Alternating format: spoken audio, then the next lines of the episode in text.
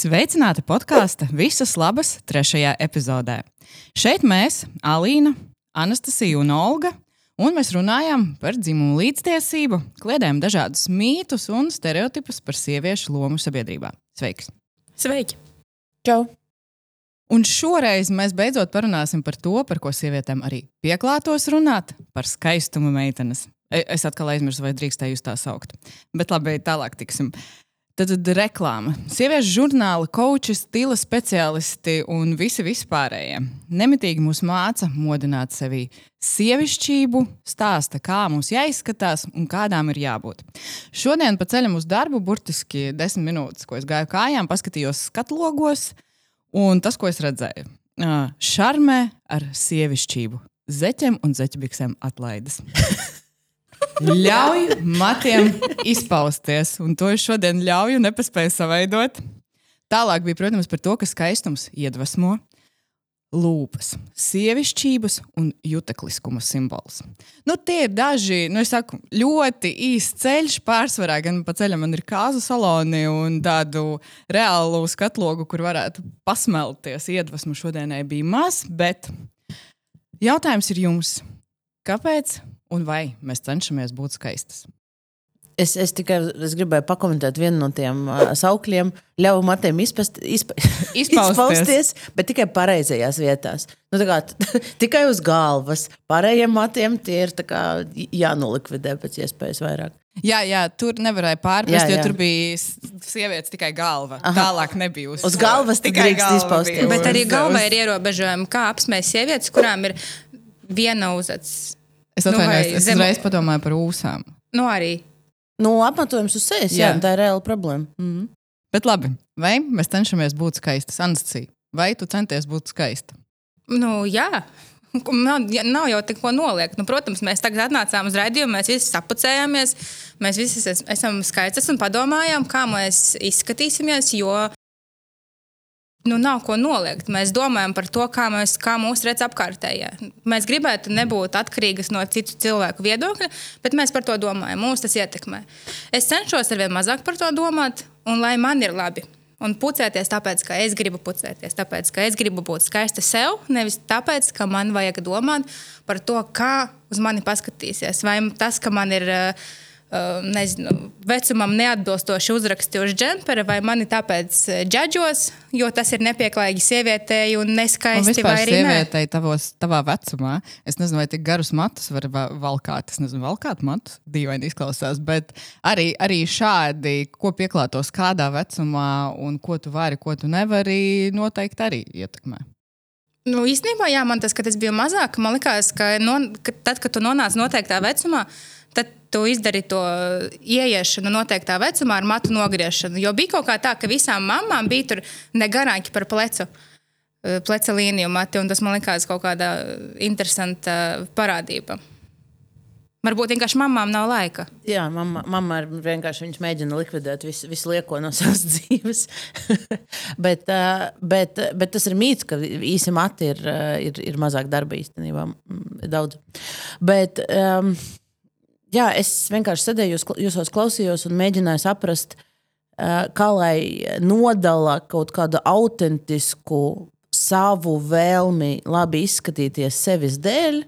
Un, uh, un to no ārpuses uh, audzināšanā, izglītībā, uh, jau sakot no nezinu, vecākiem, uh, tādu ieaudzināto domāšanu par to, ka sievietei ir uh, viens no viņas primārajiem uzdevumiem, ir priecēt aci. Tas ir mūsu kā sievietes uh, loma sabiedrībā, jo mēs jau zinām, visas daļais dzīvums, visi tie apsveikumi, tas, um, lūdzu, piedodiet, as- 8. martā. Uh, un, un nezinu, runas kāzās, kas apraksta jaunā pāra kaut kādas īpašības un lomas turpmāk dzīvē. Un tā Sieviete tālāk. skaista, bet vīrs pelna. Sieviete skaista, bet vīrs drusku skaistāks par pērtiķi. Es nezinu, latviešu ir tas izteiciens, bet nu, krieviski ir tāds. tas ir vīrieša tas, tas standarts, kuram ir jāatbilst, un tad jau ko tu, tu vairs gribi. Nu, lūk, man liekas, tas arī nav iespējams, jo es arī audzinot, es gan audzinu dēlu, bet vērojot to, kādas ir prasības, kā, kāda ir. Kā izskatās bērnu drēbes. Jo es atvainojos jau no, no jau gada vecuma. Uh, meitiņu drēbes ir īsi apspīlēti šorti, topiņi ar kaut kādiem uzrakstiem, nekādu kabatu meitenēm nav, visādas tur uh, rušičkas un, un Jā, kabatas. Uh, kabatas. Es domāju, ka kabatām mēs veltīsim atsevišķu raidījumu, divas stundas garu. Nu, lūk, bet, bet, bet jo, jā. ja tie, kas nav saskārušies, varbūt mūsu mērķa auditorijā ir kāds tāds cilvēks, sieviešu drēbēm ir daudz mazāk kabatu nekā tas ir mazāk. Un tas, tas piespiež mūs iekļūt tirgus slazdā, pirkt savus somiņas, un tad atkal sacenties, sievietes sacenšas, kuram kāda somiņa, tas atkal ir kaut kāda katastrofa. Un pēc, tam, to... un pēc tam ir joki, ah, tas sieva nevar neko atrast savā somiņā, haha, ļoti smieklīgi. Jā. Mm. Bet, nu jā, tāpēc, tāpēc es, es vienkārši nezinu. Es nezinu no rīta, kad es gribu sapulcēties un, un kaut kā izskatīties atbilstoši kaut kādiem saviem priekšstatiem. Es nevaru nodalīt, kas ir mans un kas ir sabiedrības. Un es domāju, ja tas viss sākas vēl uh, preverbālajā periodā, kad bērnam ir zem, zem trīs gadiem vai zem diviem gadiem, mēs nevarēsim to kaut kā Es drīkstu remarku, man vienkārši ļoti aizskar tas jautājums par uh, kabatām un uh, no tā izrietošās lietas. Kas tas būs par kabatām? Uh, jo, jo, teiksim, ja jūs ieiet veikalā un paskatieties, ko pārdot sievietēm un ko pārdot vīriešiem, man, piemēram, ļoti patīk tēkrekli un džemperi ar stulbiem uzrakstiem. Jo stulbāk, jo labāk. Bet, ja tu ieeji veikalā, tad ko tu redzi sievietēm? Tur ir love prevails vai tur bija happy. Un vienalga, un kad pasties uz džeku kaut kādiem tēkrakliem, tur ir visādi tur, uh, varoņi, kaut kāds stulbums. Tas jau bērniem tāpat. Jā, kāds un, stulbums. Varoņi un stulbums. bet es priecātos, ja sieviešu plau. Sievietēm domātajos plauktos veikalā arī būtu tādas lietas, nevis, ka tu skaties, un tev tur ir rozā džemprīts ar puķīti, ar kaut kādu blingu, blingu vai kaut ko tamlīdzīgu. Nu, kāpēc? Nu, tev arī tas veikals uzspiež tev arī izskatīties tā, kā tu izskaties.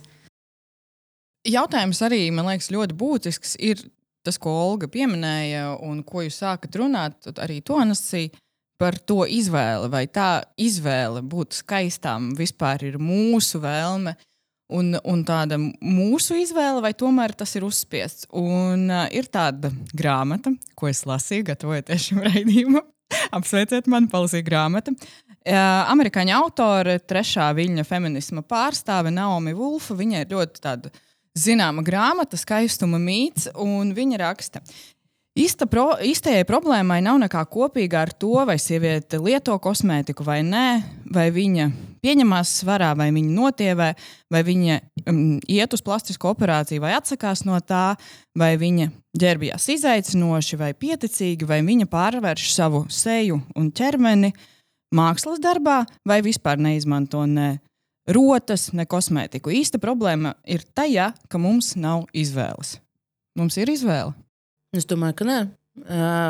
Es, es šovakar piedalos vienā pasākumā, nestaisnīgi biju domājis arī kontekstā ar šo podkāstu, ko nozīmē man sagatavoties publiskajam pasākumam, kur būs publiski jārunā un kādā veidā sevi jāprezentē. Uh, Nu, man vajag, eh, lai man ir sakopti, sakoptas rokas, vilnas manikīrs, sejas tonis izlīdzināts, uzlikts make-ups, acis sakrasotas, eh, lūpas kaut kā sakoptas.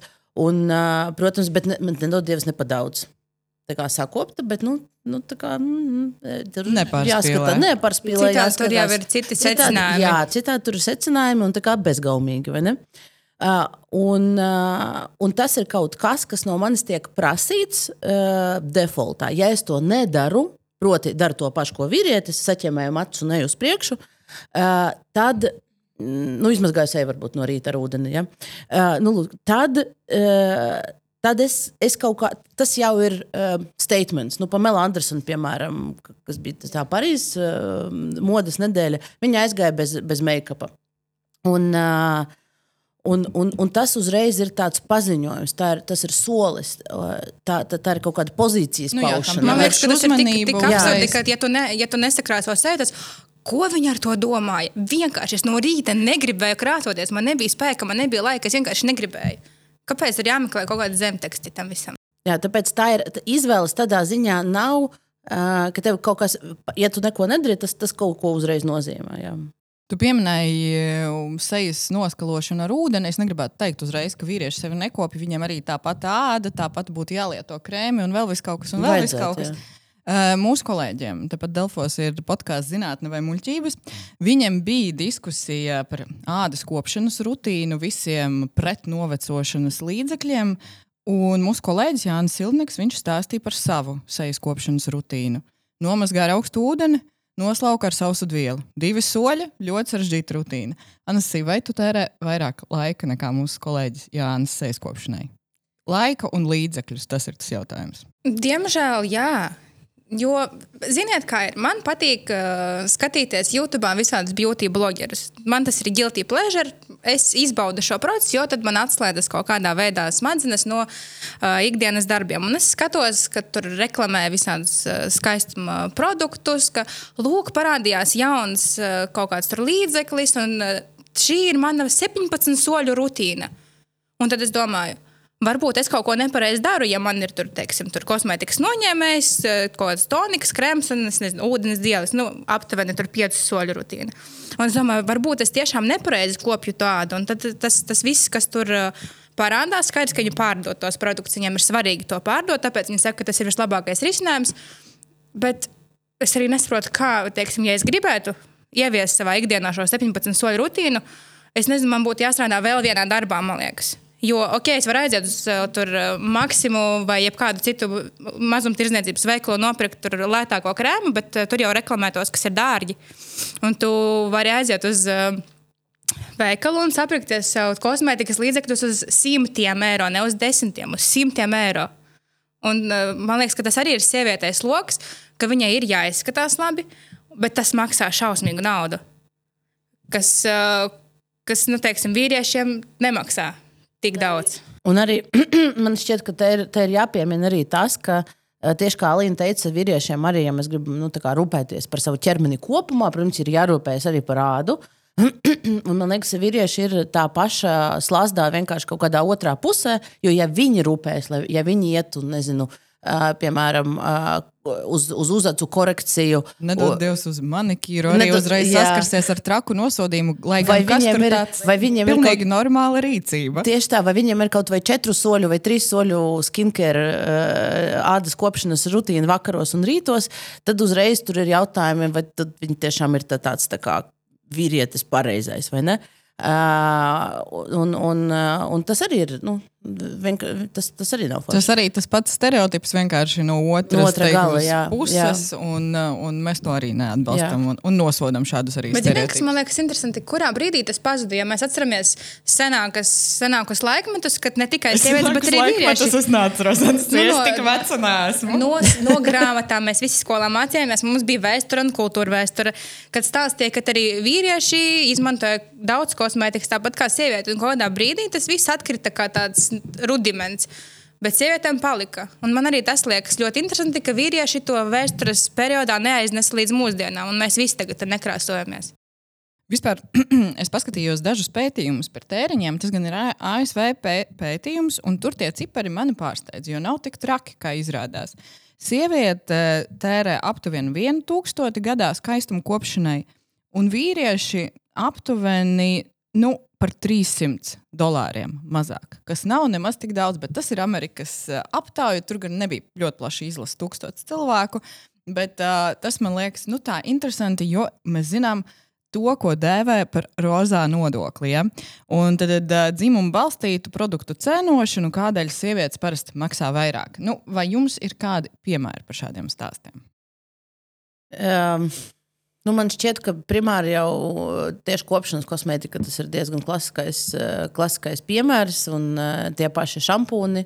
Ja mēs no, no, no reklāmām un no kaut kāda sabiedrības priekšstatiem un no, tām, no tā diskursa kopumā mēs, mēs iemācāmies, ka sievietei tur vajag eh, šampūnu, un, un, un, un, un kondicioneri, un masku, un, un to, un šito, un eļļas, un tā tālāk. Tad, vīriet, tad vīrietim ir marketēts viens kaut kāds šampūns ar nosaukumu Power vai tur Fresh Labākais, ka Vai- vīrieši. es, vai Strong Power. Vai... kam ir zini, pieci vienā. Dušas žēlējies, Pieci vienā ir, ir, ir vēl kaut kāds aizvēstures līmenis. Pieci vienā. Es Esmu redzējusi, kad ir 11 es, vienā. es nesaku, ka visiem es, es vēlreiz. Nē, nē, protams, ka nē, bet- bet tas ir tirgu un to pārdot. Jā, bet, bet, tas, bet mēs atgriežamies pie tās domas, ka uh, arī reklāmas pasaule mums uh, seko šim pašam uh, stereotipam, ka sievietei ir jāpriecē acis, un tā ir viena no mūsu sabiedrības lomām un mūsu, vien, viens no mūsu pienākumiem. Uh, un, attiecīgi, tad, uh, tad mūsos uh, mārketinga triki bieži rāda šo kauna vai kaut kādas vainas sajūtu, ka mēs nepareizi izskatāmies, nepietiekoši darām. Un, attiecīgi, mums tiek pārdoti arī produkti vai pakalpojumi, lai to visu labotu. Man liekas, ka viens no labākajiem tevis pieminētajiem rozā nodokļiem piemēriem ir skuvekļi. Vai jūs esat paskatījušies, cik maksā sieviešu skuvekļi, nu, gan jau esat, uh, un vīriešu, un kāda ir viņu kvalitāte? Man liekas, ka tas ir uh, nu, diskriminācijas vienkārši vislabākais piemērs. Tāpēc, kad tu novē- nopērci sievietēm domāto produkciju, viņa ir slikta, vienkārši slikta. Un tu izvēlies pirkt vīriešu produkciju, kura ir lētāka un ir labākas kvalitātes. Viņa nebojājas varbūt tik ātri kā sieviešu, un tad tu arī pārmaksā šeit. Bet uh, gribēju par tavu pētījumu. Teici, 1000 eiro E, gadā. Jā, bet uh, Amerikā ir tā skaistuma kultūra, ka viņi bieži vien nedara lietas paši. Viņi iet uh, taisīt nāgus, taisīt matus, lūpas, visu pārējo, nu tā kā outsourcot šo lietu, paši nedarot. Līdz ar to es pieņemu, ka reālais te, liel, Nē, tas, apjoms ir lielāks. nu, tā ir netik liela starpība gadu laikā, bet es jūs pārsteigšu ar citiem cipariem, iespējams. E, Ir tāds ļoti plašs eh, pētījums, eh, 93,000 dalībnieku, 93 valstis. Un, uh, tur ir teikts, ka vienos sesto daļu no dzīves mēs tērējam tam savam izskatam un rūpēm par savu izskatu lielā mērā. Un, protams, sievietes tērē vairāk nekā vīrieši. Laika arī tam, un man liekas, viens jautājums ir, protams, par naudu, bet otrs jautājums arī par, tiem, par to laiku, kur mē, kuru mēs varētu ieguldīt arī kaut kur citur. Piemēram, pagulēt. Piemēram, es šodien taisījos no rīta uz ierakstu, un kā Līna jau pašā sākumā minēja, man ir gari mati. Man ir mati līdz dibenam, tieši tik viņi ir, un lai viņus izžāvētu, tā ir stunda. Tas ir vienmēr jāierēķina manā taisīšanās rutīnā. Tad viss pārējais, kas man ir vēl jāizdara. Un līdz ar to, ja man bija saruna arī ar kolēģiem, mēs runājam par to, cik laika aizņem aizbraukt uz darbu. Un tad viņi saka, tik un tik minūtes. Es saku, man vajag vismaz pusotru stundu, lai es sevi izvilktu ārā no mājām, lai es neizskatos pēc nedaudz tikko no gultas izkāpušas miskastes ārā. Es, es šo nekomentēšu, bet es vienkārši piedod, es atgādināšu tiem, kas varbūt mūs klausās tikai audio formātā, ka mums ir arī video formāts. Ja jūs gribat redzēt Ansijas matus līdz dibenam, ir iespēja to paskatīties video. Bet es, es iedomājos arī par to, ka, ja tā būtu vienīgā šī uh, atšķirība uh, starp to, ko vispār dzīvē ir jādara siev, sieviešiem, sievietēm un vīriešiem, ja mēs salīdzinām, tad iespējams būtu vēl ok, bet mēs zinām, ka nu, mūsu sabiedrībā bieži vien mājas solis, kaut kāda tā, tā mentālā slodze. Ja mental load angliski, kas attiecas uz kaut kādu ģimenes budžetu, ikdienas plānošanu, ja ir bērni, tad, eh, tad visās, eh, vis, visā aprēķināšanā, vai viņiem visiem tur ir uh, sezonai atbilstošas drēbes, kas dārziņā ir pazaudēts, kas ir jāatrod, vai ir cimdiņi, vai visiem ir tur, nezinu, pie, vitamīni, medikamenti sapirkti, vai visas potes ir uztaisītas. un Tad es to listi varu mēģināt vēl stundu garu. Lasīt, tad um, parasti uh, visa, šī atbildība gulstās uz sievietes pleciem. Uh, tā ir vienkārši mūsu sabiedrības realitāte. Uh, un, un tam klāt vēl nāk tās rūpes par savu izskatu. Uh, Proti, no rīta tev ne tikai jāsaties tie bērni uz bērnu dārzu un jāpārliecinās par to, ka viņi ir pāēduši, bet vēl stunda jāpatērē žavējot matus, tur vēl jāuzkrasojas un tā tālāk. Nu, jā, nu, nav viegli tas viss. Uh, ir tāds vēl slavens jautājums, ko, ko kaut kad aktualizēja viens no politiķiem. Nu, vai skaistums nāk no iekšām, vai tomēr nē? Uh, šajā pētījumā es skatījos ne tikai uz skatlogiem un dažādiem, uh, dažādiem zinātniskiem, varbūt kaut kādiem mazāk zinātniskām aptaujām. Es pašķirstīju tā dēvētos sieviešu žurnālus. Atradu ļoti tādu interesantu rakstu. Uzzini, kas iekārdina un apbur vīrieti. Līnijas un gurni. Simetrija. Gari izlaisti mati. Sievietes smarža, starojošas acis, lūpas un balss. Nu, uh, un, un, jo man liekas, ka nu, vairs, nav, vairs nav tādu īsti daudz tādu rakstu, tādu diskusiju. Kā jums šķiet, nu, mēs esam tālāk pavirzījušies no tā klasiskā, kas ir sievišķīgi, cik kādai ir sievietei jābūt, gari izlaisti mati, līnijas un gurni un viss šis, vai tomēr mēs nu, no tā tik drīz netiksim vaļā. Man liekas, ka mēs nekur baigi, kā sabiedrība kopumā, mēs nekur tālu neesam aizvirzījušies. Man liekas, ka tas ir, ja mēs domājam, vai mēs esam aizvirzījušies un domājam par to pozitīvā gaisotnē, tad tas ir katra individuālais darbs. Uh, nevis sabiedrībā kopumā, jo joprojām mums ir. Uh, kultūras produkti, kas mums stāsta, kā mums vajadzētu būt. Mans guilty pleasure saimnieks meklē sievu skatīties raidījumu. Tur ļoti daudz ko tas skatās. Jā, guilty pleasures. uh, un uh, es biju ārkārtīgā šokā no tā arī, ko tur rāda, bet nu, tur virkne diskurss ir citu raidījuma tēmām, bet arī tur ir par to skaistumu, ka vīrietis tur ir savai Līga viņai, kā viņa sauc, eh, raidījuma dalībniekus, kaut ko tur norāda par svaru vai vēl kaut ko. Nu, man tas liekas ārkārtīgi nepieņemami, un tas joprojām tiek tiražēts 21. gadsimtā lielā televīzijas kanālā, kas, manuprāt, nav ok. La, jā, bet kā, man, man interesē te, tas kaut kāds mums nepieejams, tas kultūras slānis ir jauniešu kultūra. Un, uh, es redzu, tīri uh, vienkārši novērojot kaut kādus uh, vidusskolēnus, uh, nezinu, kaut kādos make-up veikalos vai vēl kaut kur. Es redzu tur lielāku atšķirību, nu, dažādību nekā atļaujas pieaugušie. Eh, lielāku dažādību nekā tā, tā bija manā laikā, kad es mācījos skolā. Un es arī redzu, ka, piemēram, nu, jo, jo vienlaikus ir jāatzīst arī, ka saģērbties, sapūcēties, kaut kā izpaust savu personību caur drēbēm un make-upu, nu, tas ir radošums, tas ir forši. Tas, ja cilvēkam interesē kopumā tā āršķirība, tad tas ir. Uh, Nu, tas ir patīkami. Tas tiešām to perso, tu, tu, vari, tu vari kaut kā sevi parādīt. Un, uh, un es redzu, ka jauniešiem uh, nu, arī tas kaut kāds dzimuma, varbūt tie, tie, tās lomas mazliet pamainās. Mēs redzam, arī tādi stereotipi. Vīrieši, vīrieši es teiktu, ka tas arī joprojām ir tāpēc, ka ir kultūras produkti. Ja teiksim, tu skaties Netflixā seriālu, kur tie jaunieši arī izskatās citādāk nekā kad mēs bijām jauniešu vecumā, un mēs no viņiem mācījāmies, kā mums būtu jāizskatās. Tur jā, runa, runa, man liekas, te, te ir par dažādību. Nu, ir, ir, ir, ir forši, ja sieviete grib. Uh, izpausties nu, tādā superklasiskā veidā, un tās ir viņas tiesības. Ir forši, ja viņa negrib, ir forši, ja Džeks uh, vēlās uh, zīmēt uh, strēlkas un, un, un, un, un krasot nagus.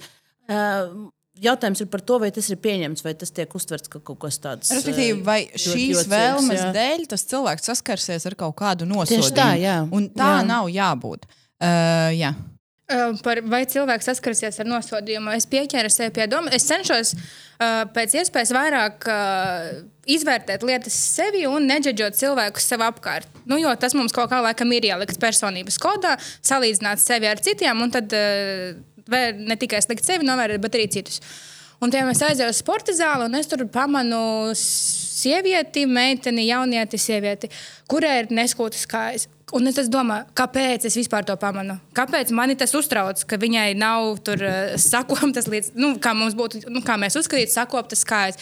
Un man ļoti, ļoti tas triggero. Kāpēc mani tas uztrauc? Es negribu, lai man tas uztrauc. Es vakar tevi uztraucu, tad tu satraucies par to, ka tevi uztrauc. Es vakar skatījos uz savām neskūtajām kājām un domāju, kāpēc man tas uztrauc? Kas man liek, šobrīd ir ziema. Ja? Mēs valkājam bikses, zeķu bikses un tā tālāk. Tas manas kājas redzu es, mans vīrs un mans bērns, jo es mājās staigāju šortos. Nevienu no šiem trim cilvēkiem pēc būtības neuztrauc, ka man ir neskots kājas, bet kāpēc, kāpēc man ir nepatīkami, kāpēc es jūtos par sevi slikti, tāpēc, ka šobrīd es nevaru veltīt laiku visai tā sekopšanai.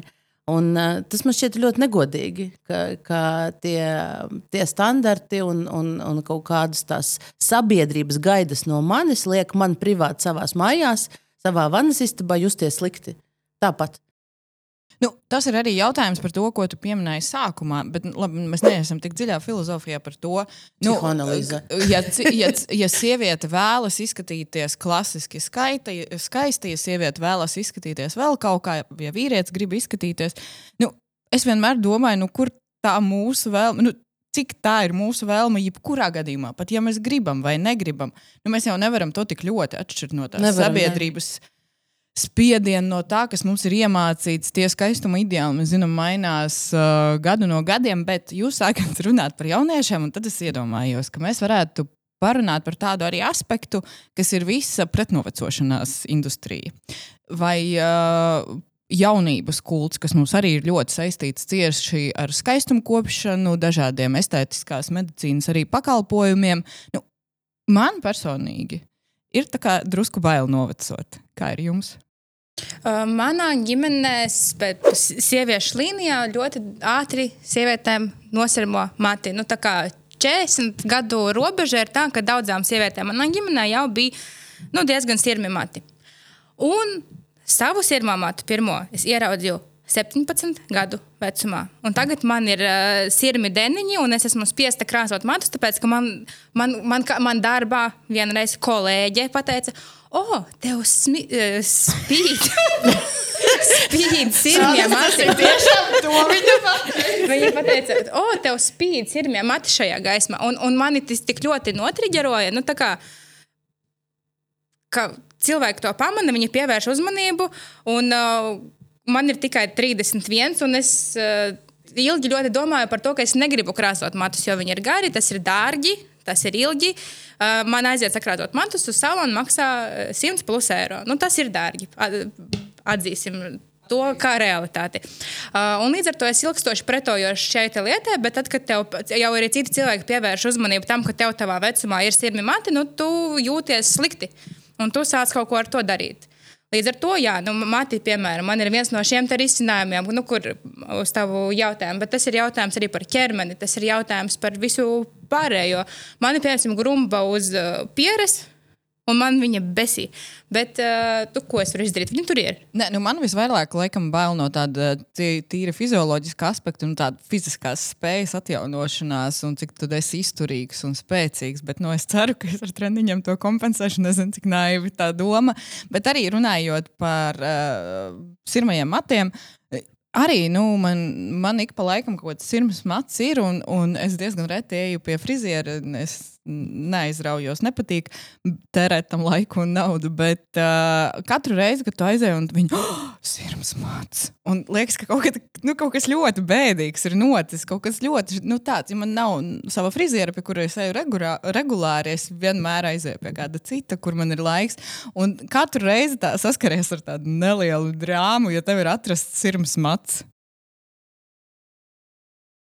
Es, es, man vienkārši liekas, ka. Ja mēs um, labi attiektos pret saviem sirmiem matiem, tām frizieriem, pie kurām tu ietu, būtu mazāk darba, viņas pelnītu mazāk. Līdz ar to viņām ir jāuztais drāma par to, ka šausmas, šausmas ir sirds Nē, nu, mats. bija taču nesen, salīdzinoši nesen, sirmi mati. Viņus kaut kā mazāk sāk krāsot. Ļoti daudz parādījās Arī sievietes. Es domāju, ka tas ir redzams, tas matiem. mainās, jā. Tas Bet mainās. pavisam nesen uh, publiskā telpā bija diskusija par to, ka ir sieviete uh, nelielā vecumā. Es, es neatceros, negribu melot, cik viņai ir gadu, bet viņai dabīgi ir sirmi mati, un viņu tur visi sociālos tīklos nor, norēja par to, ka viņai ir sirmi mati. Latvijas uh, sociālos tīklos. Es aizmirsu. Bet, ja mēs atgriežamies pie novecošanās, nu, uh, cik daudz produktu mēs zinām, ir miljons produktu, ko tam mēģina pārdot ar to domu, ka tu saglabāsi to, nezinu, kaut kādu jaunību. Olga, vai tu uzķēries uz šāda mārketinga? Laikam, man šķiet, ka mēs visi uzķeramies, un, un atšķirība ir tikai tā, vai mēs to pamanām vai, nē.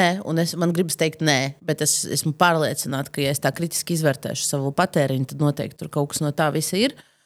Un, man šķiet, ka mēs mazliet arī kā daļa no rietumu kultūras arī virzamies uz to, ka, nu, jā, novecot var, bet pareizi. Uh, sejas novecošana ir ok, bet nu, tikai tā pareizā tipa. Ja? Uh, uh, Un, un, un, un tas ir arī tāds slāpes, jo pēc būtības tu nekad neesi labs līdz galam, vai neesi laba līdz galam sabiedrības izpratnē, jo nu, tu novecojā, nu, bet nepareizi. Tā cita, tad tur redz, viņai labāk sanāk novecot. Ja? Un, un es vairāk laikam par to domāju un uztraucos, vai es novecošu pareizi, um, eleganti, Cienījami, gaumīgi, gaumīgi, cienījami, jā, jā, gaumīgi. jā, estētiski. Um, Vai tu nemēģināsi savā vecumā izskatīties jaunāka? Jo šādā vecumā, kā jau sākumā teicu, Anastasija par matiem, tur kaut kas noteikti par drēbēm, ir noteikumi par nagigu krāsu. Nu, Vēl, es jau saņēmu, man, kas. man tagad nav rozā mati, bet, bet eh, nesen vēl bija, un laikam būs arī pēc kāda laika atkal kaut kādās krāsās, un tad es arī saņēmu komentārus, ka nu ne jau šajā vecumā alga. Uh, bet, uh, Pirms gadiem desmit varēja, bet tagad vairs bet, bet, Mm. bet, bet, bet um, um, man šķiet, ka, ka vienkārši tas ir tāds arī slāpes, ka um, redz, ir jaun, no vienas puses jaunības kults. Uh, un tev ir jā, jāmēģina izskatīties jauneklīgai, bet ne dod Dievs neuzvelc kaut ko, kas tam vecumam nav atbilstoši. Un tā ir kur ir neiespējama. tie- nu, tas ir neiespējamais balans. Tas ir labs jautājums, kur ir tie likumi sarakstīti.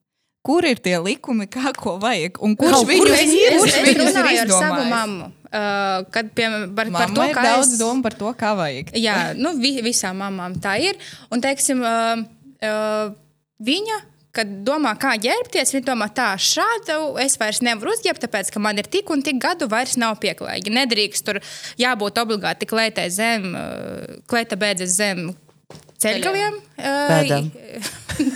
nu jā, varbūt vēl Klēta tagad nebeidzās. Jā, dzīve beidzas, klēta nē. Uh, nu, lūk, un, uh, viņa saka, šīs ir vecumam neatbilstoši. Un tad viņa redzē, man arī kaut ko pasaka, ka Anastasija šie svārki varbūt ir par īsu. Vai Tev vairs nav 20, Jā, Anastasija. man vairs nav 20, bet varbūt 20 gados nejūtos uh, komfortabli ģērbt tādus. Varbūt tagad es jūtos labāk savā ķermenī. Un tu uzdevi ļoti svarīgu jautājumu, no kurienes nāk skaistums no ārpuses vai no iekšpuses, vai ne? Tas- Un, un man liekas, ka tas ir ļoti svarīgs jautājums par attiecībām ar sevi ķermenī un savām attiecībām ar savu ķermeni. Jo, teiksim, mums jau diktē ne tikai to, kas ir skaisti teiksim, no nu, tāda estētiskā skatu punkta, tur lūpas, mati un tā tālāk. Mums jau dēvē uh, rāda, kādam tev ir jābūt arī ķermenim. Cik tev jābūt uh, dievam viduklim, kādai jābūt atvainojas tavai pēcpusē, cik šauram. Uzkačātai vēlams Uh, pēdējā laikā. Jā, pēdējā laikā, jā, vai cik tev lielam jābūt kaklam un tā tālāk. Kaklam? Jā, arī kakla apkārt, apkārtmērs tev Kā ietekmē. apkārtmērs un kā tur uh, par sievietēm viņam jābūt garam, Garam. garam skaistam kaklam. Jā, un, un, un ja tu neesi savā piedzimstot uzvarējis šo te, nu, to, Ģenētisko loteriju. ģenētisko loteriju, un tad tev visu dzīvi ir stragls par to, nu, kā tu sevi iespīlēsi tajā ietvarā par to, kādam būtu jāizskatās tavam ķermenim. Es, piemēram, visu mūžu. Man ir diētas, man ir kaut kādi, nezinu, treniņi, vēl kaut kas eh, nu, radikāli. Nu, Tas vienkārši ir tāda persona, man ir personības iezīme, ka es visu daru radikāli, un pēc tam atmetu, un tad atkal visu daru no radikāli, no jauna. Bet es jau neesmu tāda viena. Tādu ir ārkārtīgi daudz sieviešu, kas pēc tam at attopas nezinu, psihologa krēslā par to, ka viņas nejūtas ok savā ķermenī. Eh, Nu, te mēs laikam nonākam līdz uh, tam jautājumam par attiecībām ar ķermeni. un Man liekas, ka tas ir nu, viens no tādiem ļoti būtiskiem jautājumiem. Man arī, tu pieminēji savu stāstu, es arī es atceros, es, es tievēju no pusauģu gadiem, nu, tādiem ļoti agriem pusauģu gadiem, kas tagad. Atskatoties no saviem 35, man nešķiet ok. Nu, kā tas var būt, ka meitenei 11 gados ienāk prātā, ka viņas tur kaut kāds mērķis vasarā ir notievēt. Jā, jā. Tas ir ļoti saudabīgi. Un uh, par laimi, lielā mērā es ar to esmu tikusi galā savos 35. Bet tas man bija ļoti tāds, nu, grūts ceļš. Un, uh, lai tu justos ērti ar to, kas tu esi, lai tev nav visu laiku sajūtas, ka tu esi nezinu, par resnu kaut kam, kaut kādiem. Es, es visu mūžu esmu arī sportojis. Lielā mērā man bija pārtraukums, kad es uh, pārvācos no Valmieras uz Rīgu, un pēc tam es atsāku to tomēr regulāri atkal sportot. Un tik un tā man visu laiku likās, nu, nu nav labi, vajag vēl pacensties. Mazāk ēst, vairāk skriet. Nu, klasika, bet veselīgi tas nav. Jā. Es eh, tu stāstīju par tiem pusauģu gadiem, un es, eh, es arī pēkšņi atcerējos, ka jā, nu, man pirmā dieta bija tad, kad man bija laikam eh, 16. Uh, Un tā gan bija saistīta nevis ar vasaru, bet ar to, ka es to, to brīdi vienā puisī biju iemīlējusies, un viņš dzīvoja citā valstī. Tad es zināju, kad viņš atbrauks, un tad uz to dienu, kad viņš atbrauks, un es viņu satikšu, man jā, bija jābūt tur dievai. Bet, nu, protams, ka tagad, skat, skatoties uz to laiku, man arī nekas īsti tas, tas realitātei neatbilst šis, šis priekšstats. Un kaut ko es no kaut kāda žurnāla izgriezu, kaut kādu punktu skaitītāju un ēdu atbilstoši tiem punktiem. Un, un, un, un, un tas Jā, un, un, protams, ka tas nav veselīgi. Īpaši uh, bērnam, jaunietim, kas vēl tikai attīstās, aug un kur tie hormoni ļoti tiek ietekmēti no tā, kā tu, kā tu ēd. Fun uh, fact, man arī pirmā diēta bija kaut kādos 11 gados. Un tad es domāju, kaut kur es izlasīju, un tad jau arī internets mums nebija tik plaši pieejams. Kad mums Mūsu bija 11 gadi, jā, mēs jau neesam piedzimuši ar vietu tālu runu rokās, kā tagad dzimst bērni. uh, bet um, stāsts ir par ko? Ka es izlasīju, ka forša diēta esot uh, tiemēt uz kefīru. Un tad es dzeru kefīru, un, un kopš tā jā, laika jā, jā. es vairs nevaru to kefīru padzert. Man vienkārši riebjas tas produkts, jo es nu, saboju savu priekšstatu par to produktu no tās stulbās diētas, kas, protams, nenostrādā. Jo pēc tam es turpināju ar vien jaunas un jaunas diētas izmēģināt. No, nu, es kaut kādos 14, 15 gados gāju uz stadionu vienkārši skriet. Lai patērētu vairāk kaloriju. Es tur nebija tā, ka es baigi aizrautīgi ēdu visu kaut ko vai diētas. Es gāju skriet. Tagad eh, man par laimi eh, attiecības ar sportu ir daudz, daudz veselīgākas. Un tad es reizēm domāju par to, nu, kāpēc tā ir. Okay, viens ir tas uh, kultūras slānis, mēs redzam skaistas modeles, skaistas aktrises, bet otrs ir tas, kas mums ir apkārt mūsu sabiedrība. Ģimene, kas ir vēl šausmīgāk daudziem cilvēkiem, arī norāda, nu, tu tiešām apēdīsi to porciju. Nu, tiešām ir, tev vajag viņu apēst un tā tālāk. Un otrs, ka, nu, kad tam notiek svara izmaiņas, un visa sabiedrība, oh, tu notievai, mm, malaca. Un tas ir kaut kāds, es nezinu, sociālais panākums, ka tu tagad sver par x kilogramiem mazāk, un visiem tev tas ir jāpasaka. Tas ir, tas ir, ir tas, viens jautājums, par skaistums no iekšas vai skaistums no ārstiem. Mēs notievējam par x kilogramiem. Uh, Un tad, te cilvēki labāk runā, viņi ir priecīgāki, tie var redzēt, bet es esmu joprojām tas pats cilvēks. Tas, kas man ir iekšā, Nē, viņš, mazāks cilvēks. Jā, es esmu fiziski mazāks cilvēks, bet iekšā es esmu joprojām tā pati Anastasija ar tām pašām iezīmēm. Es arī iepriekš biju tīri forši, ar mani bija parunāt. Ne tikai tad, kad es esmu par x kilogramiem vieglāka. Man šķiet, ka jā, tie, tie apkārtējie komentāri par svaru, um, tu, tos var ielikt. Mēs jau runājam par komentāriem, par, to, par, par kaut kādu reproduktīvās funkcijas, uh, uh, kaut kādu re, realizēšanu. Nu, tad, tad te ir tas pats. Uh, es rekomendētu visiem atšūties no, no cilvēka svara, jo jebkurš komentārs, kompliments, nu, piemēram, kompliments notievēšanai, tas var būt kompliments depresijai, tas var būt kompliments vēzim. Uh, ēšanas traucējumiem, jebkam. Un, un komentārs par to, ka kāds ir tādus, es domāju, mēs visi esam, es, es, es to noteikti esmu piedzīvojusi, kas ir komentārs par svara pieaugumu, tas pats - depresija, ēšanas traucējumi, hormonu disbalans, nu jebkas.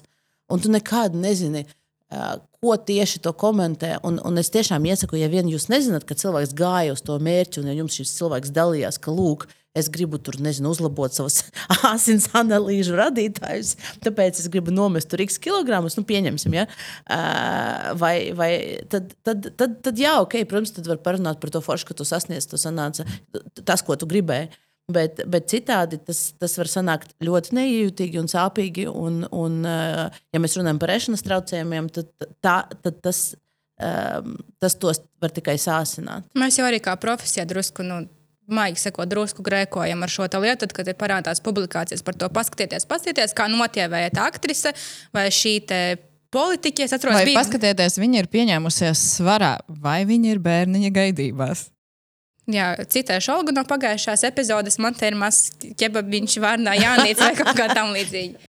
Jā, tie, kas varbūt neklausījās, bet kuriem sāka patikt, kā mēs runājām iepriekšējā epizodē, mēs runājām par reproduktīvo spiedienu un nonācām pie secinājuma, ka vajadzētu visiem likt mums mierā ar jautājumiem, kad tev būs bērni, kad tev būs vēl bērni un kāpēc tev vēl nav bērni. Tā kā jūs varat droši iet un noklausīties visās platformās, bet jūs sākat runāt uh, par ēšanas traucējumiem.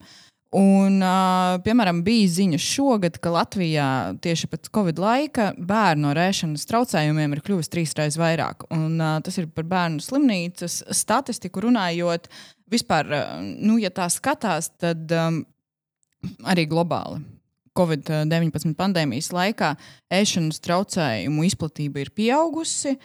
Uh, Un uh, Eiropā vien ar ēšanas traucējumiem slimo aptuveni 20 miljoni cilvēku, pamatā jaunieši, bet arī pieaugušie. Un te laikam būtu svarīgi pateikt, ka, nu, ja jūs pamanāt kaut ko saviem bērniem, tad uh, droši var vērsties bērnu kliniskajā universitātes slimnīcā. Tur ir bērnu psihiatrijas klīnika, ēšanu traucējumiem, tur ir atbalsta tālrunis, kas uh, strādā. Ir arī citi krīzes tālruņi, bet jāmeklē palīdzība arī pašiem cilvēkiem, kas, kas saskarās ar šo jautājumu ir jāmeklē speciālistu ārsta palīdzība. Tas ir ļoti nopietni un sekas var būt eh, ļoti smagas gan veselībai, gan arī dzīvībai kopumā. Bet uh, tiešām, uh, ja mēs runājam, man liekas, tas ir tāds, nu, viens no ļoti sarežģītiem jautājumiem par to, cik labi mēs jūtamies savā ķermenī. Uh, Un ka notievēšana joprojām ir liels panākums. Es atceros, kad es studēju, mācījos par treneri, sporta treneri. Mums arī stāstīja par aptauju rezultātiem, kāpēc sievietes un kāpēc vīrieši iet uz sporta zāli. Sievietēm pirmajā vietā, kāpēc viņas iet uz sporta zāli, joprojām ir notievēta muskuļu masa. Sievietes neinteresē gandrīz vai necik. Nu, un vīriešiem, protams, ir citādi. Nu, tu arī stāstīji par x kilogramiem mazāk, vairāk.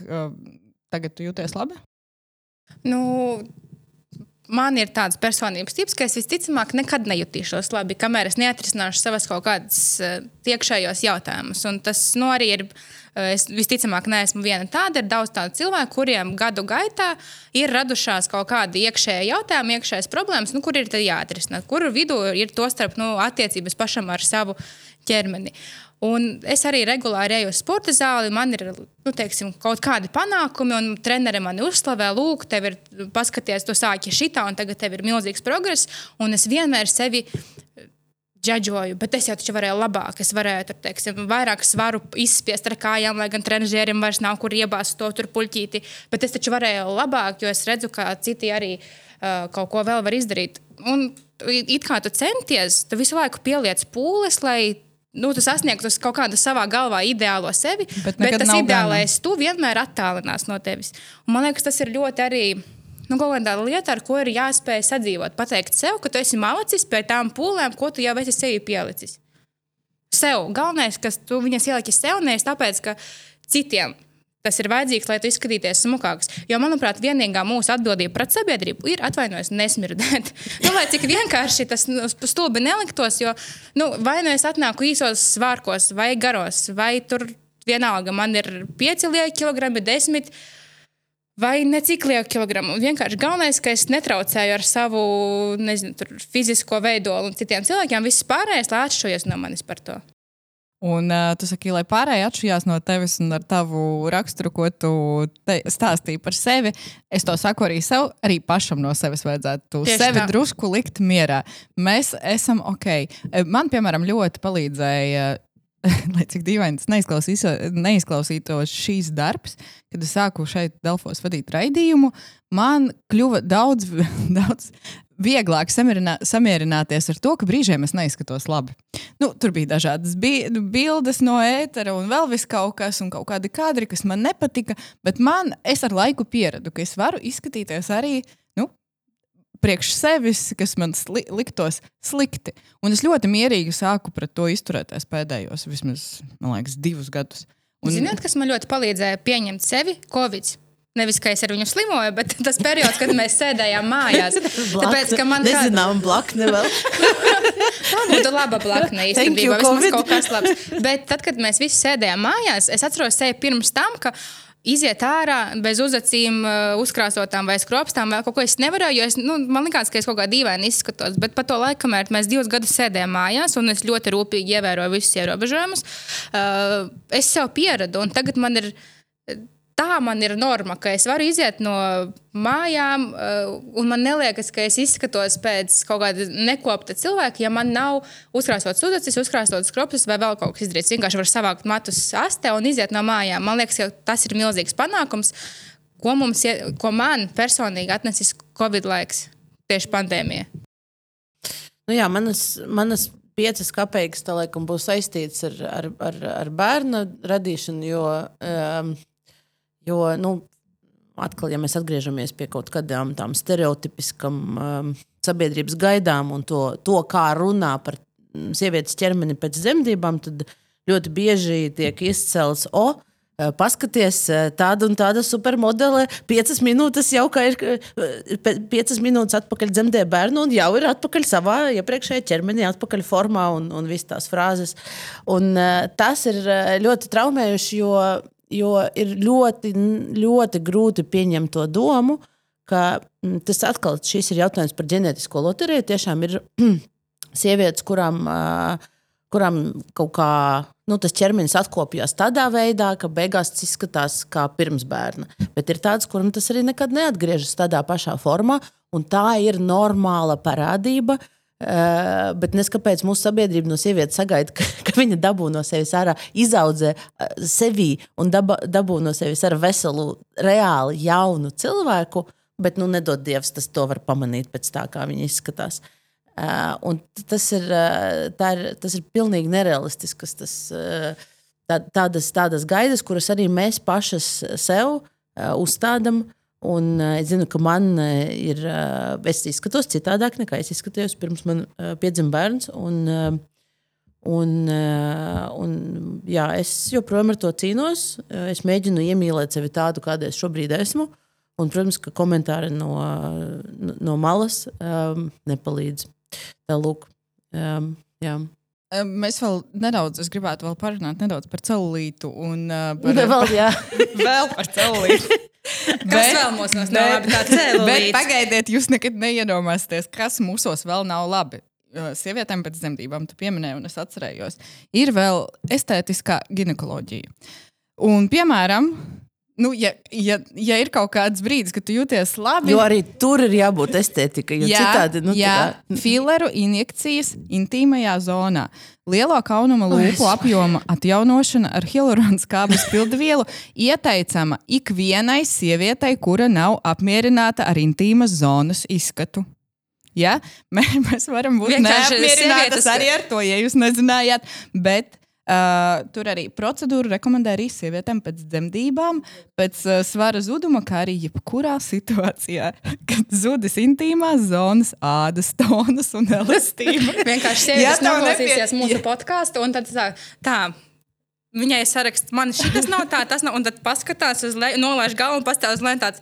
Nē, nu, paldies, podkāstā. Paldies, vienkārši. Papildinu no sarakstu. Tā kā, ja jūs kaut kādā brīdī, es nenoliedzu, ka ir kaut kādi gadījumi, kad ārsta rekomendētas estētiskās ginekoloģijas nu, pakalpojumi tiešām ir nepieciešami, kā jebkura estētiskā medicīna.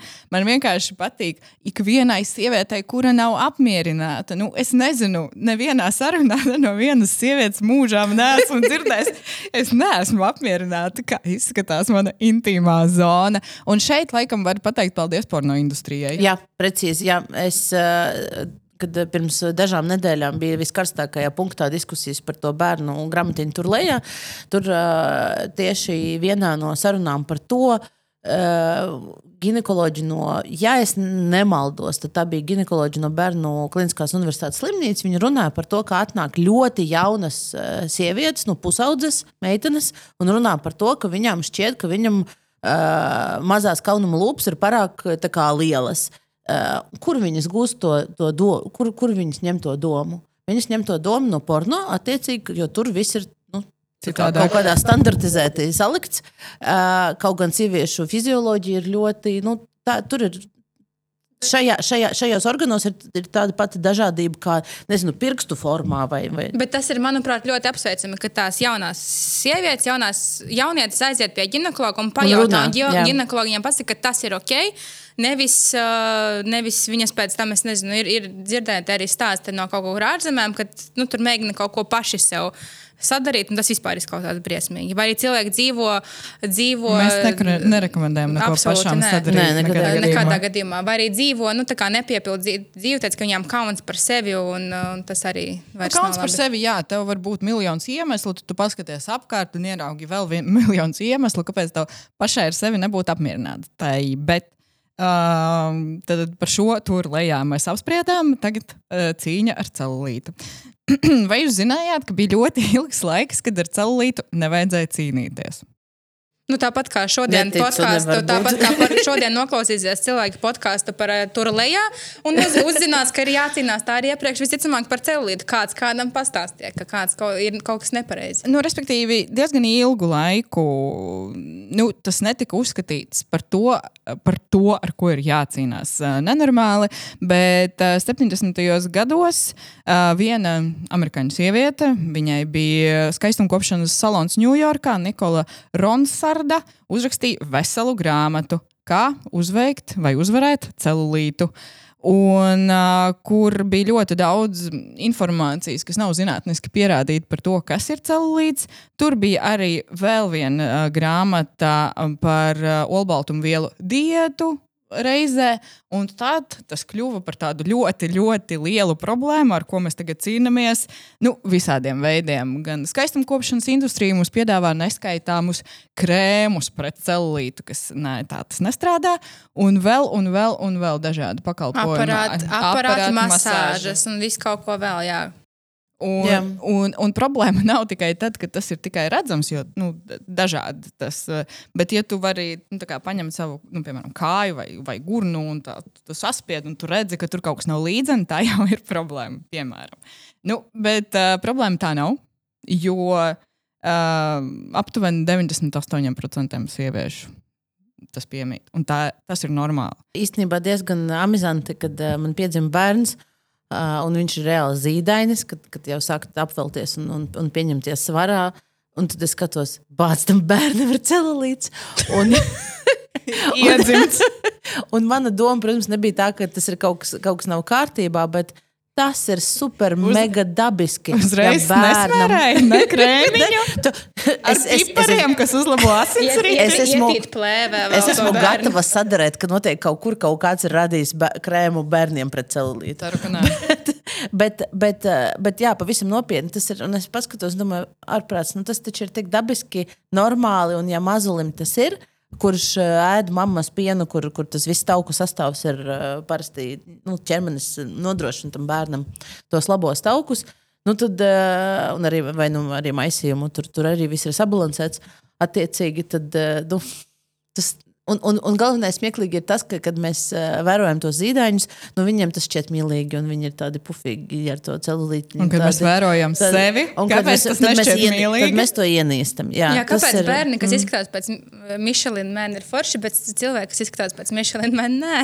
Nu, tas jau ir cits tur Jā, dzirdējums. uh, es atvainojos. Es drusku pa, uh, izdomāju, ka es gribu pateikt vēl vienu piebildi. Ja nu kas, uh, protams, ir skaidrs, ka aptaukošanās ir liels risks veselībai pie sirds un asinsvadu saslimšanas, citas, un, un mēs atbalstam uh, nu, to, ka mēs pie, mēģinām. Es saku, visu, ko mēs darām, nu, lielā mērā jādomā par, par veselību, par il, nezinu, savu kaut kādu ilgtermiņa ieguldījumu. Ja mēs uh, gribam kaut ko ar sevi darīt, gribam sportot, man liekas, ka veselīgāka motivācija sportam ir tiešām veselība. Un uh, nevis kaut kāds sots sev par to, ko tu apēdi. Tas Asins analīzes. Ejam uz labām asins analīzēm. Zemes sieviešu podkāsts. zemes, zemes cukura līmenis mūsu mērķis. Jā, nu, tādā ziņā, ka ieguldījums veselībā bieži vien ir ieguldījums arī skaistumā. Jo labi pagulēt, labi pāriest, pakustēties, tas um, parasti ir iedarbīgāk nekā krēmiņš par miljonu. Un tas ir ieguldījums arī uh, mentālajā veselībā. Uh, jo labi pagulēt un, un, un pakustēties ir ļoti labi arī mūsu psihei. Jā, līdz ar to, jo vairāk mēs šīs lietas darām, jo mēs es, nu, ir sanāk, tas aburtais lokus tikai pozitīvā nozīmē. Jo vairāk mēs to darām, jo labāk mēs jūtamies un, un i- izejam ārā no kaut kādām problēmām. Bet, nu, protams, tas ir skaidrs, ka tas nenotiek vienā dienā. Piemēram, es eju uz sporta zāli N gadus, un, um, un tas nāk tikai ar smagu darbu un uh, ar laika ieguldījumiem. Tev ir jārēķinās ar to, ka tas neatnāks tev rīt, ka tu rīt forši jutīsies un, un rīt tev viss būs labi. Nē, tas darbs ar sevi ir, ir man liekas, viens no smagākajiem, ko tu vari darīt vispār savā dzīvē. Strādāt ar sevi. Jā, strādāt ar sevi, bet mēs sākām ar uh, skaistumu un to grāmatu par skaistuma mītu. Tur viena no domām ir tāda, nu, ka tā, tas, tā apsēstība ar to fizisko izskatu nu, ir ļoti liela. Un, lai kā tu censtos, lai ko tu darītu, tu to cīņu īsti nevari līdz galam uzvarēt. Nu, vienmēr kaut kas nebūs gana. Ko, ko mēs varam darīt, lai tomēr uh, to cīņu uzvarētu? Vai tas nav vēl iespējams? Tad tas noplūds varētu dzirdēt. Jā. Nē, man šķiet, ka vienkārši ir, ir, ir tā drīzāk ir cīņa ar to, mm, ar to ka tu jūties komfortabli, ar, ar nedrošību, ar, ar kaut kādu neideālo pasauli un, attiecīgi, arī ne, neideālo sevi. Man, nu, man šķiet, ka, nu, kā tu teici par, par, tos, par to pieņemšanu, ka, jā, nu, tu, tu sāc strādāt televīzijas ēterā un saprati, ka, jā, nu, ir leņķi, ir kaut, kādi, ir kaut kādas atsevišķas fotogrāfijas, kuras neizskatās labi, tas ir fakts. Un tas ir. Un tas, tā tas ir, un, un, un es esmu ok ar to. Un man šķiet, ka tas ir tas, ir, ir, tas ir visgrūtākais vis, visā šajā skaistuma industrijā. Vienkārši iemācīties nevis, nevis iemīlēt sevi kaut ko, kas, kas varbūt nu, nekad ne, neatbildīs kaut kādiem stand, standartiem. Nevajag to dievieti sevi. pamodināt sevi dievieti un, un atvērt visas tās, tas tur īstās pareizās čakras. Ja? Bet, bet, bet, bet, bet vienkārši pieņemt to neideālumu sevī. Un es, citos. es nezinu, tas izklausās, un citos arī. Jā. Un tas ir, man liekas, piedod, es sāku pārtraukt tavu labu domu, man ļoti patika, bet uh, tas, ko es gribu vēl pateikt, nu, tas jau ir atkarīgs no mūsu, nezinu, attieksmes arī pret citiem. Uh, Nu, mm. nevajag katram izteikt piezīmi par katru viņa izskata detaļu. Nu, pasakam jaukus vārdus viens otram šādi un tad. Un kaut kādas tādas labas lietas, nu, nevajag koncentrēties uz to, ka šīs nav pietiekami, zini, uh, tievs, šīs nav pietiekami, šis ir pārāk sirms, šī sieviete ir pārāk spilgtas lūpas uzkrāsojusi un vēl kaut kas nav kārtībā. Pamanam kaut ko arī labu. Tieši par to labo, tas ir tas, ar ko laikam, es gribētu noslēgt savus eh, runas plūdus šodien. Uh, Olga teica par to, ka mums vienkārši vajag pieņemt sevi, bet pieņemt sevi bieži vien mums ir smagi. Mm. Un līdz ar to man liekas, pirmais solis uz to ir redzēt sevi labo. Un galvenokārt nu, mums jāsaprot, kas mēs esam kā cilvēki. Kas ir Olga, kā cilvēks Alīna, kas esmu es kā cilvēks, kas, kas ir mūsos tās labās īpašības. Mēs, protams, es nezinu, kāds prot labi jokot, kāds ir foršs eh, runātājs, eh, prot citus darbus darīt vai whatever, vienalga. Katrs no mums skaistums nāk no iekšām. Es uzskatu, ka skaistums nāk no iekšām, un galvenais ir sākumā sevi pamanīt to, ko, kur tu esi foršs, jo mēs katrs kaut kur esam labi. Nu, nav pilnīgi e, eh, miskastā izmetamu cilvēku, kuri neviens neko neprot darīt. Pat nevis neprot darīt, bet nu, kas viņiem, nezinu, ka, ka no, cilvēkam noteikti kaut kur ir talants. Vienkārši viņš ir sevi jāpamana, un uh, tas ir, manuprāt, viens no pirmajiem soļiem, kas aizvedīs tevi pie sevis pieņemšanas visās jomās. Bet tas ir sarežģīti. Tas ir sarežģīti, tas ir tiešām tāds uh, darbs, kur gadās arī atkrist atpakaļ kaut kādos brīžos, un nevajag satraukties, vajag mēģināt iet uz priekšu. Paldies jums par šo sarunu, Olga Paldies. un Anastasija. Paldies. Paldies visiem tiem, kas klausījās vai skatījās. Un noslēgumā atgādināšu, ka sievietes vieta ir tieši tur, kur viņa pati vēlas būt. Paldies!